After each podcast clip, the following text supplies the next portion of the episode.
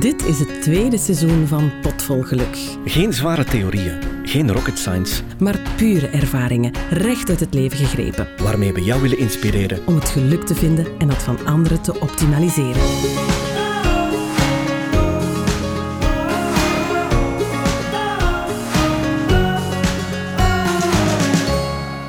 Dag Steven Boers. Goeiedag. Hoe is het? Goed, ja, eigenlijk wel. Altijd moet ik zeggen. ik ben zo, zelfs als het niet goed gaat, zeggen de mensen, het is goed.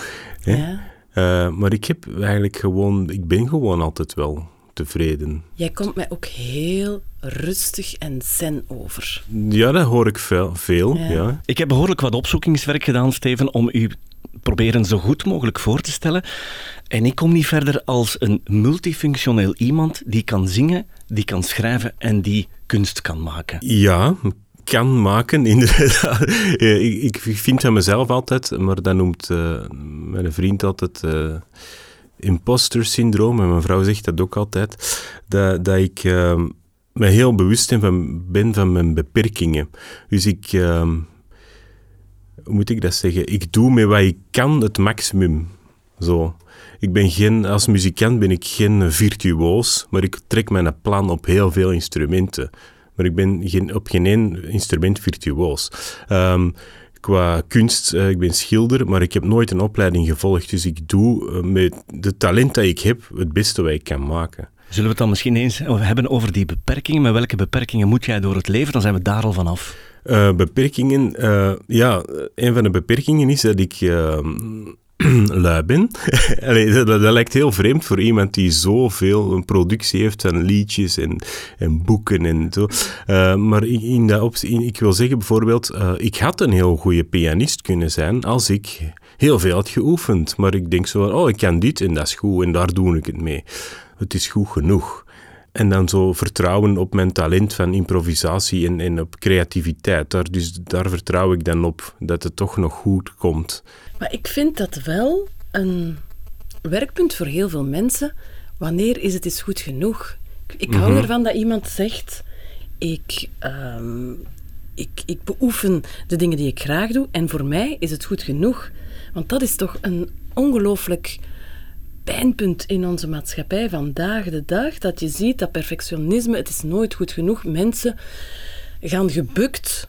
Mm Ja, ik help, ik help daar ook mensen mee. Dus ik geef zelf uh, workshops.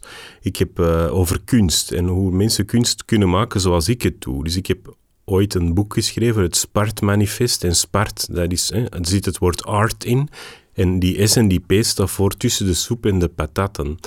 Dus wat ik daar uh, beschrijf is hoe, hoe, iedereen kunst kan maken. Uh, en, en, dat helpt veel mensen, dat boek heeft veel mensen, ook kunstenaars die veel beter zijn dan ik, aan geholpen om over hun blokkades heen te, geraken, over, over perfectionisme en zo. Um, dus het vertrouwen in het proces van het maken, dat het wel iets gaat worden, dat het goed genoeg is. Dus uh, daar komen mensen, ook mensen die niks met kunst te maken hebben, komen daar omdat die regels die je dan bij mij leert voor, om kunst te maken, kan je ook in je, gewoon in je dagelijks leven toepassen. En is het dan vooral zeilen op je eigen vertrouwen, wat je dan aanmoedigt? Of? Het is, ja, bijvoorbeeld, um, een van de dingen waar ik vaak rond werk is, we maken chaos uh, door te krassen, vlekken te maken. En we zoeken, en onze hersenen vinden daar orde in. Je kijkt ernaar en je hersenen zien daar iets in. Vertrouw erop. Zoals dat je naar de wolken kijkt. Je ziet daar iets in. En dat is vaak veel beter hetgeen dat je ziet dan dat je zelf had kunnen tekenen. En haal dat daar dan uit. Maar kan je eens heel concreet, hè, volgens jouw manifest, daar induiken met een, met een concreet voorbeeld? Wel, uh, een concreet voorbeeld is bijvoorbeeld... Um, ik werk, zoals ik al zei, rond chaos en orde. Hè. Dus dan uh, laat ik mensen met uh, verf op een doek gewoon random patronen vlekken maken. Dus gewoon spuit gewoon vanuit de tube op, op dat doek. Uh, dan gaan we erover vegen met kranten of zo. Dus dat er gewoon iets ontstaat dat je, waar je geen controle over hebt. Ja. En dan uh, gaan we bijvoorbeeld zeg maar iets, een portret tekenen van iemand die niet bestaat. Hè? Dus gewoon, je ziet naar dat ding en je probeert er een gezicht in te zien. En je hersenen doen dat automatisch. Als je er ook concentreert en je wordt daar beter en beter in. Haal dat portret eruit. Duid aan waar de ogen zijn en de mond en rust. Teken dat portret met verf. Hè? Heel, heel ruw. En dan, als dat klaar is en je zit tevreden, dan gaan we er bijvoorbeeld uh, extra vlekken op maken, zodat dat terug chaos wordt. En dan gaan we dat terug eruit halen. Dus dat proces van leren loslaten. Hè? Dus je denkt, oh, het is goed. Nee, nu gaan we er water op plinsten. Het is goed. Nee, nu gaan we er met een plastic zak op dippen. En zo krijg je uh, portretten die heel vaag zijn en dat een soort van, ja, dat kan iedereen zijn. Hè? Krijg je dan niet meer een therapeutische sessie eerder dan een kunstige beleving? Want als ik dit zou moeten doen, dan kan ik me voorstellen dat ik een vrij kinderachtig resultaat ga krijgen. En dan vraag ik me af, ga ik daar dan tevreden mee zijn? Is dat dan voor mij goed genoeg? Ik heb, ik heb nog nooit iemand gehad... Eh, ik heb wel mensen gehad die zeggen, het is spijtig, ik heb het moeten wegdoen, maar op het einde van de sessie zegt iedereen, maar ik had nooit gedacht dat ik zoiets zou kunnen maken.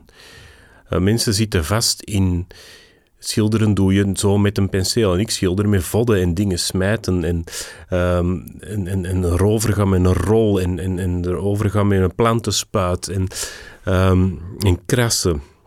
En zo ontstaat er iets dat ze zelf nooit hadden gemaakt. Mhm. Is vrijheid een keyword voor jou? Um, vrijheid, ja. En, maar uh, ik hou het meest van vrijheid toch nog in een structuur van beperkingen. Dus mijn boek, het Spartmanifest, heeft twintig regels waar je aan moet houden. En toch zorgen die voor veel vrijheid. Dus een van de regels is, je werkt aan iets wanneer je vijf minuten tijd hebt. Je plant dat niet in, je werkt eraan. Als die vijf minuten om zijn, signeer je dat. Je zet het op social media en het is af. Je mag niet meer verder werken later. En dat is een vrijheid die je creëert door een heel strenge regel op te leggen mijn werk is af. er zijn ook geen regels van wat je mag tekenen of niet. Dat, daar gaat het niet om.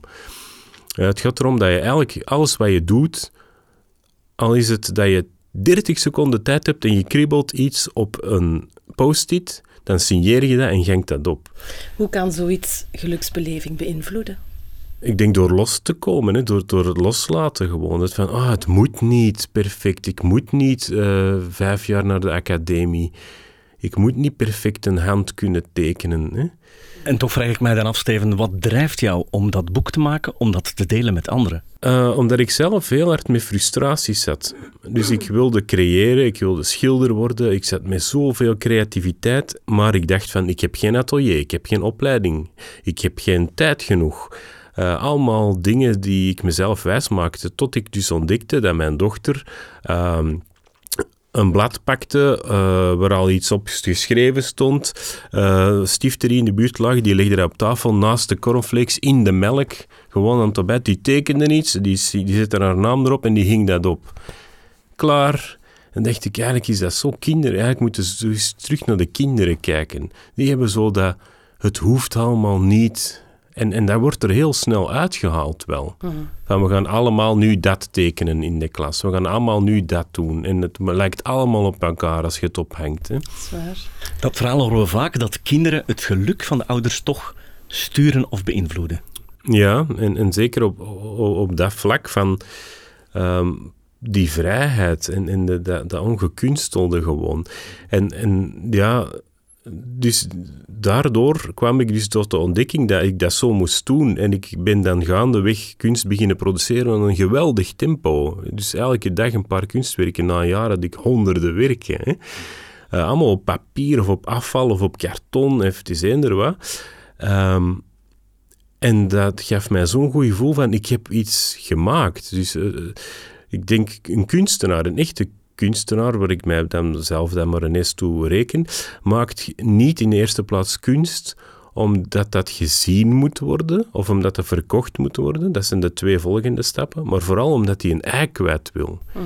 En die frustratie is daardoor weggegaan. En dan heb ik gewoon... Die regels is allemaal opgesomd en in een boek gegoten. ik moet eerlijk toegeven, mijn grote mensenbrein denkt dan ook meteen, als je zegt van ik heb al honderden werken, van ah oké, kan je dat dan verkopen of waar kan je dat dan aan de man brengen? Maar dat mag eigenlijk niet het doel zijn. Hè? Maar dat is wel mijn eerste gedacht, wat ik daar dan, of wat dat er dan oppopt in mijn hoofd. Ja, dat is, dat is ook een, een, een stuk in het boek, gaat er ook over. Um, en, en daar zeg ik van, ruil het voor een fles wijn als je het nieuw durft verkopen. Um, en ook als je, stel het tentoon, maar stel niet tentoon één werk in een galerij tussen, naast een ander werk van een kunstenaar die er maanden over bezig is. Als ik een tentoonstelling doe, hangt alles vol. Hè? Dus mijn kunstwerk is, al die werken samen is eigenlijk één groot kunstwerk. Hè? Dat is het, het oeuvre. Hè? Ehm, en zo moet je dat bekijken. Ehm, de stijl is niet zo belangrijk. Het gaat erover dat je het, dat je het heel snel maakt en, en dat je het allemaal direct beschouwt als een kunstwerk.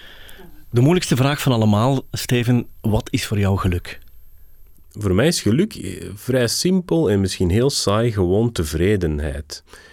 Misschien is dat stoïcijns of heel zin, maar gewoon de afwezigheid van ongeluk. Oké. Okay. Dus gewoon het, het tevreden zijn nu op dit moment. En, dat heb ik ook maar geleerd. Om, iedereen heeft zo midlife crisis rond de 40. Ben ik heel veel boeken beginnen lezen. Echt het zotste eerst over esoterie en alle mogelijke uh, Oosterse wijsheden. En inderdaad, zo in het moment, dus, je kunt altijd um, piekeren over wat nog moet komen of spijt hebben van wat geweest is. En dat brengt ongeluk het gewoon, nu zit ik hier bij jullie en het is gezellig en het, is hier, het regent hier niet. En, dus, dus ik ben tevreden en dus gelukkig. Ja. ja. Uh, is heel simpel. Geluk is niet de lotto winnen. Als, als dat voor je gelukkig is, ben je heel je leven ongelukkig. Hè? Waarom is het dan voor mensen zo moeilijk? Want bijna iedereen zegt dat. Tevredenheid, Ehm, je neerleggen bij de situatie zoals ze is.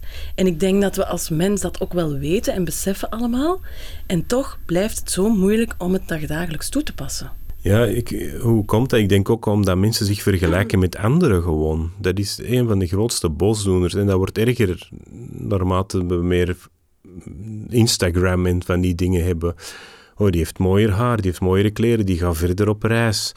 Uh, die zien er gelukkig uit. Maar dat zijn allemaal maar momentopname en fake natuurlijk. Hè? En ook het, de maatschappij waarin we leven is altijd beter, altijd meer. Hmm. Binnen de lijntjes kleuren. Ja, ja. Hoe zouden wij deze gouden tip kunnen inpakken? Want ik hoor hier een gouden tip aankomen. Wat moeten we doen? Hoe kunnen we dat dan vertalen in een optimistische tip? Uh, kijk naar de realiteit. Uh, ga gewoon persoonlijk met elkaar om. Luisteren naar elkaars verhalen en, en niet met wat er op Facebook staat, want op Facebook staan altijd de leuke momenten van het gezin. Ja, ja. De moment dat je je camera erbij pakt, hè? Ja. Maar dat mensen thuis is zakkeren op hun kinderen en het niet meer zien zitten omdat het slecht gaat op school. En uh, daar hoor je niet. Mhm. En dat hoorde je vroeger wel als je bij elkaar aan de keukentafel ging zitten. En eigenlijk onszelf zorgen maken is een beetje fantaseren in de verkeerde richting, zeg ik altijd. Ja. Maar voor mij is dat een praktische opgave. Dat is niet een leuze die je aan de muur hangt. Dit is echt een praktische taak die ik elke dag moet volbrengen. Want als we dan toch mogen fantaseren, waarom doen we dan die dromen er niet mhm. bij en die bucketlist en wat we eigenlijk, waar we warm van worden, wat we zo graag zouden willen? Mhm. Ja, maar dan zitten we weer in die toekomst.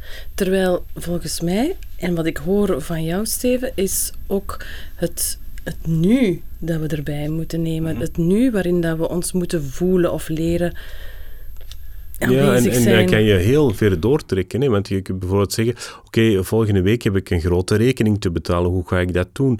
Maar nu moet ik dat niet betalen. Dus nu is er niks. Of, of ik moet over vijf minuten vertrekken en dat gaat druk zijn op de weg. Maar nu zit ik nog gewoon in de zetel. Zo, dus het constant ehm, leven in het moment zo van, dat het toch nu oké is. Is het een beetje balanceren? Want uiteindelijk uiteindelijk hebben we die logistieke planningen ook nodig, want die rekening moet volgende week wel betaald worden. We kunnen het uitstellen, maar voor, volgens mij is het een beetje balanceren. Ja, het is niet zo dat ik zeg, maar eh, het maakt niet uit wat er gebeurt. En, ook niet, en, en ook, ik zeg daarnet van tevredenheid is heel belangrijk, maar ik zie ook wel dat er onrecht is waar ik niet tevreden over ben. Dat sluit elkaar niet uit. Je kan ehm, op een moment tevreden zijn en toch uh, met iets bezig zijn dat de wereld kan verbeteren. Het is, het is, niet dat ik me overal bij neerleg. Ik ben mhm. niet gelaten. Dat is het mhm. niet. Dat is of nonchalant of zo. Nee, ja, dat misschien wel. En toch moeten wij een manier vinden om met het fake news en alles wat er rondom ons gebeurt, en vaak ook dichtbij, om daarmee om te gaan in onze gelukzalige bubbel. Ja, ik, ik, ik, vind niet dat ik in, in een gelukzalige bubbel zit, want ik ben heel betrokken ook met, met wat er in de wereld gebeurt en ik lees daar ook heel veel over. Ik zorg, uh, op mijn kleine manier uh, doe ik iets voor de wereld. Snap je? En uh, als iedereen dat zou doen, dan zou dat natuurlijk heel, heel mooi zijn. Um, ik, ik, ik, heb niet de frustratie dat ik niet de wereld op mijn eentje kan verbeteren, want dat kan toch niet. Maar het feit dat je het doet, betekent wel dat er iets in jou drijft, dat er iets in jou voortduwt. Waarom doe je dat? Want uiteindelijk doen wij dat ook. Ja. Wij proberen mensen hier in de studio te krijgen die over geluk willen praten, want op zich is dat een mooie intentie. Maar waarom doen we dat Ja, ik weet niet waarom ik dat doe, maar ik voel wel dat dat een drijfveer is. Ik ben zo'n beetje een, een, een, Ik wil een geluksuitdeler zijn. En, en dat is waarover... Ik, ik ontdek bijvoorbeeld dat ik op een bepaalde manier kunst maken en dat dat mij een bevrijdend gevoel geeft en mijn frustratie wegneemt, dan, dan hou ik dat niet voor mezelf. Dan deel ik dat. Hè? Uh, ik, ik, schrijf ook, ja, je kunt zeggen, ja, je verkoopt het, maar mensen moeten naar u komen voor een workshop, maar dat is niet al wat ik doe. Ik schrijf ook elke maand een, een heel lange nieuwsbrief met, met tips, gratis. Hè? Uh, met alles wat, ik voor mezelf heb ontdekt, dat mij heeft geholpen en misschien helpt dat dan ook iemand anders. En ook natuurlijk, ik ben muzikant. Uh, ik, treed, ik treed heel veel gratis op zelfs, als ik gewoon een leuk doel vind om daar te gaan spelen. Um, dus ik deel ook graag mijn, mijn eigen ervaringen, zodat andere mensen er ook van kunnen genieten. Misschien helpt het voor hen ook. Hè. Wat heeft kunst jou wel opgeleverd? Kunst heeft mij opgeleverd dat ik een, een, heel brede blik heb op de wereld. Want kunst is niet alleen het kijken naar, naar een afbeelding. Hè. Ze zeggen altijd kunst is een spiegel. Hè. Uh, kunst is ook iets dat, dat staat voor mij op gelijke hoogte met filosofie eigenlijk. Hè. Uh, dat doet je nadenken over dingen. Zeker, ja, zeker uh, hedendaagse kunst. Hè. Dat een kunstwerk is een vraag. Is dat verschillend met de muziek voor jou, waar de vraag altijd beantwoord wordt? Um, ik, ik, ik, zie geen verschil tussen uh, de vorm, verschillende vormen van kunst. Ik beschouw eh, literatuur, muziek, uh, beeldende kunst, die doen allemaal op hun manier uh, hetzelfde. Ik wou de vergelijking maken dat de leerkrachten, de muziekleerkrachten die je ooit had, die zeggen altijd muziek is een, is een vraag en een antwoord. Dat zit in zinnen. Ja. Is, heeft kunst dat voor jou ook? Want je zegt het is een vraag, maar vind je daar ook een antwoord in, in kunst? Uh, meerdere antwoorden vind je. je. je. ziet mogelijkheden. Je gaat erover denken waarom. Zelfs een kunstwerk zoals nu heel stom, dat was een schandaal. Er was uit iemand een banaan aan de muur gekleefd. En dat was een kunstwerk, maar dat gaat niet over die banaan. Dat gaat over wanneer is iets kunst? Moet je er hard aan werken of moet je gewoon de eerste zijn met een idee? Uh, is het als je thuis hangt geen kunst, maar in een museum wel? Dus wat doet de locatie? Dat is gewoon allemaal iets dat in mensen in hun hoofd zit. Hè? In die locatie is iets kunst, in die locatie is iets niet kunst. Dat zijn allemaal vragen die, waar mensen niet bij stilstaan. Die zeggen gewoon een banaan is geen kunst. Maar het gaat over hoe verhandelen we kunst? Hoe bepalen we een waarde van kunst? Is het alleen als een kunstenaar die al ander kunst heeft gemaakt, het ophangt kunst? Dus er zitten duizend vragen in die banaan en iedereen lacht ermee. Maar ik bekijk dat anders. Het opent conversatie ja. wel, hè? Ja. ja. Ik denk dat we dat toch wel enorm missen. En zeker vandaag de dag, waarin alles zo zwart-wit wordt voorgesteld, waar er zo weinig ruimte is voor andermans mening, voor de conversatie. Hebben we dan een tekort aan kunst, kunstenaars, het gesprek? Het probleem is dat de kunstwereld een, een, een beetje een bubbel is, langs de ene kant. Uh, je geraakt daar moeilijk binnen, zal ik zeggen. Uh, langs de andere kant heb je ook bij mensen die niet met kunst bezig zijn een degoe van moderne kunst bijvoorbeeld, allee, postmoderne hedendaagse kunst, omdat mensen het niet begrijpen. En dat is omdat dat, uh, wat wij zien als cultuur is entertainment. Hè? De minister van Cultuur zou ze beter minister van Entertainment noemen en dan nog een andere minister van Cultuur. Hè? Uh, en dan krijgt hij misschien ook zijn plek terug. Kinderen leren op school niet meer naar kunst kijken. Als er ergens bespaard wordt, dan is het op iets wat economisch niks opbrengt, mhm. dan is het muziek. En, dat brengt economisch wel iets op, maar, maar veel te beperkt. Hè. Maar missen we dan, naast die moderne kunst, niet juist het gesprek. Ook Mhm. in de klas, in de samenleving, is het niet... Misschien als de banaan alleen de banaan daar hangt, mist het zijn doel. We hebben juist het gesprek over de Ja. banaan nodig. Ja, dus zoals ik het nu uitleg, gaan er misschien mensen nu denken of luisteren van, ah ja, eigenlijk is dat waar. Dat is niet alleen maar een banaan. Maar Mhm. inderdaad, er wordt te weinig diep nagedacht. Het, het is typisch iets, als je, stel je voor, je pakt een dag verlof en je collega's vragen wat ga je doen en je zegt, ik ga eh, winkelen of ik ga eh, naar de fitness, dan is iedereen oké. Maar je zegt, ik ga gewoon thuis eens heel diep nadenken. Mhm. Dan zeg je, die is zot, hè.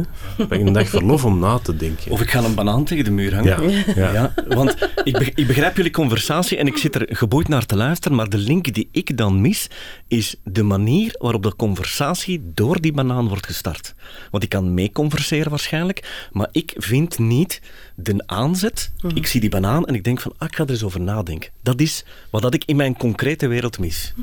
Ja, dat is inderdaad, dat is niet meer aangeleerd. Ja. Het, het zelf reflecteren. En, en dat is ook gewoon omdat alle feiten, we leven in een wereld dat feiten heel belangrijk zijn.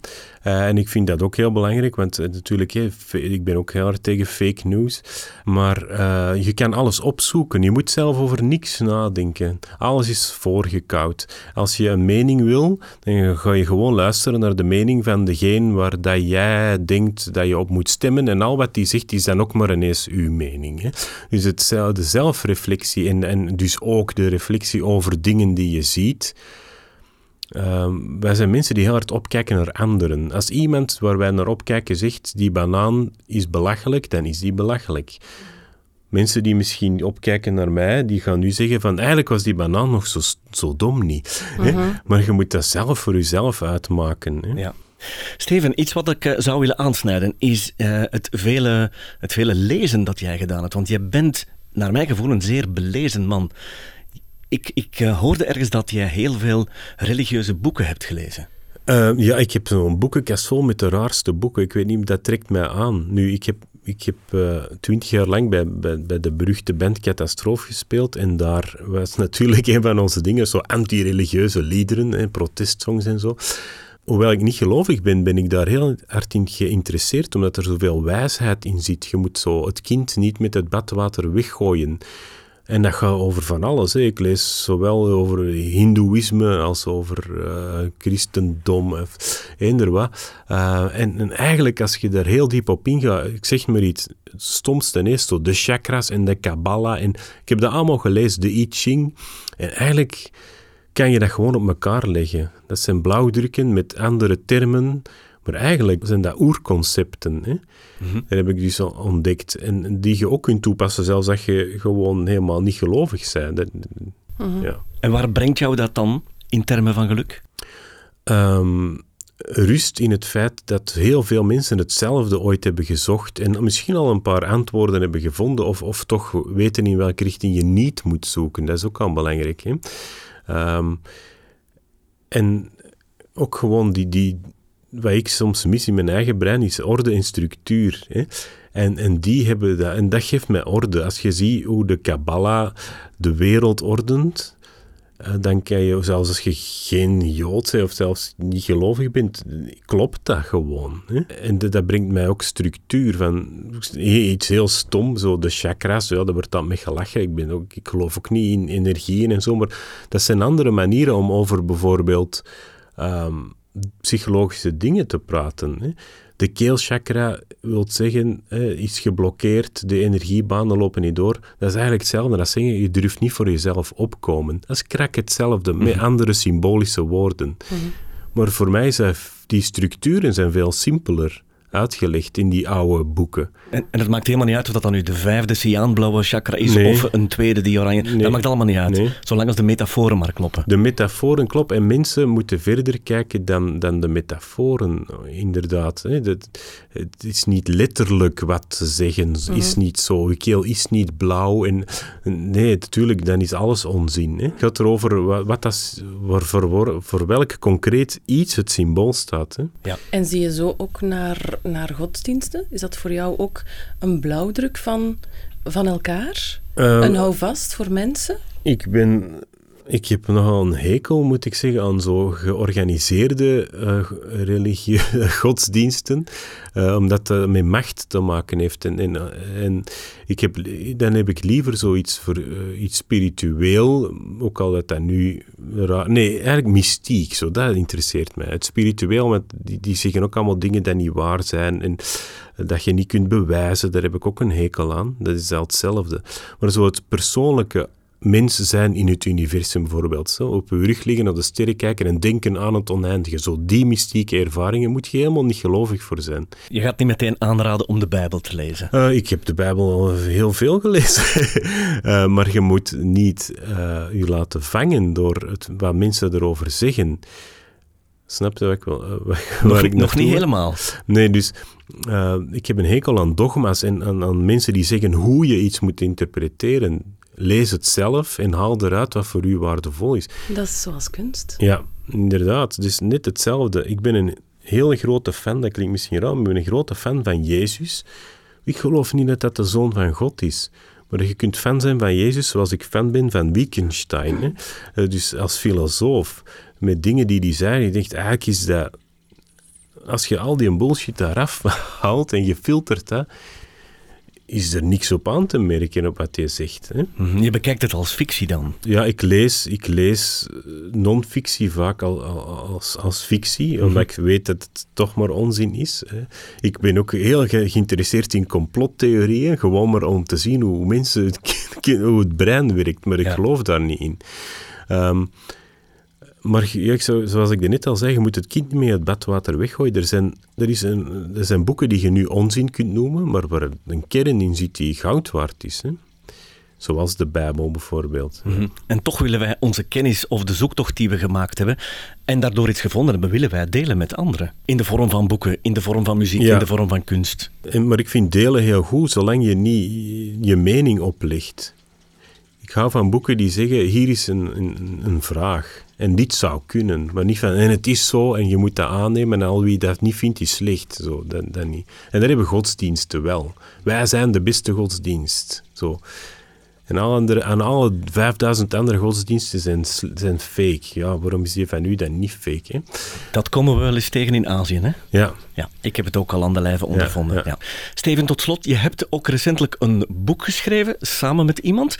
Mogen we daar iets over weten? Uh, ja, dat is net uit. Dat is een boek dat ik heb geschreven samen met uh, Els de Schipper, dus de cabaretière. We hadden eerst samengewerkt aan een nieuwe show die in première is gegaan. Dus ik mocht daar aan meeschrijven voor wat moppen en zo. Hè. Um, en toen ja, hadden we zoveel materiaal en tijd, want uh, ja, corona en zo, dus die show kon niet in première gaan. En dan hebben we gewoon uh, een boek geschreven. En dat is eigenlijk een soort persiflage op zelfhulpboeken, maar uh, met onnozele oefeningen. Maar als je die oefeningen doet, werkt het echt. Ik ben benieuwd. Ja, dit heet Jij krijgt een pluim. Het gaat ook over complimenten geven en ontvangen, maar zonder dat dat nodig is. Gewoon maar...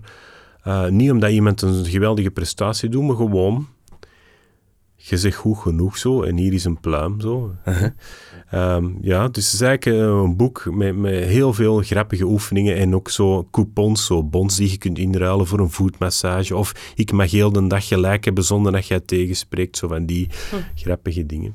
Ja, maar het werkt. Het is, eh, als, je het door, als je het helemaal doet, dan word je een beter mens, hoop ik. Ja. Door een persiflage op een zelfhulpboek te schrijven. Ja, het is een zelfhulpboek dat zichzelf niet serieus neemt, maar wel werkt. Zo.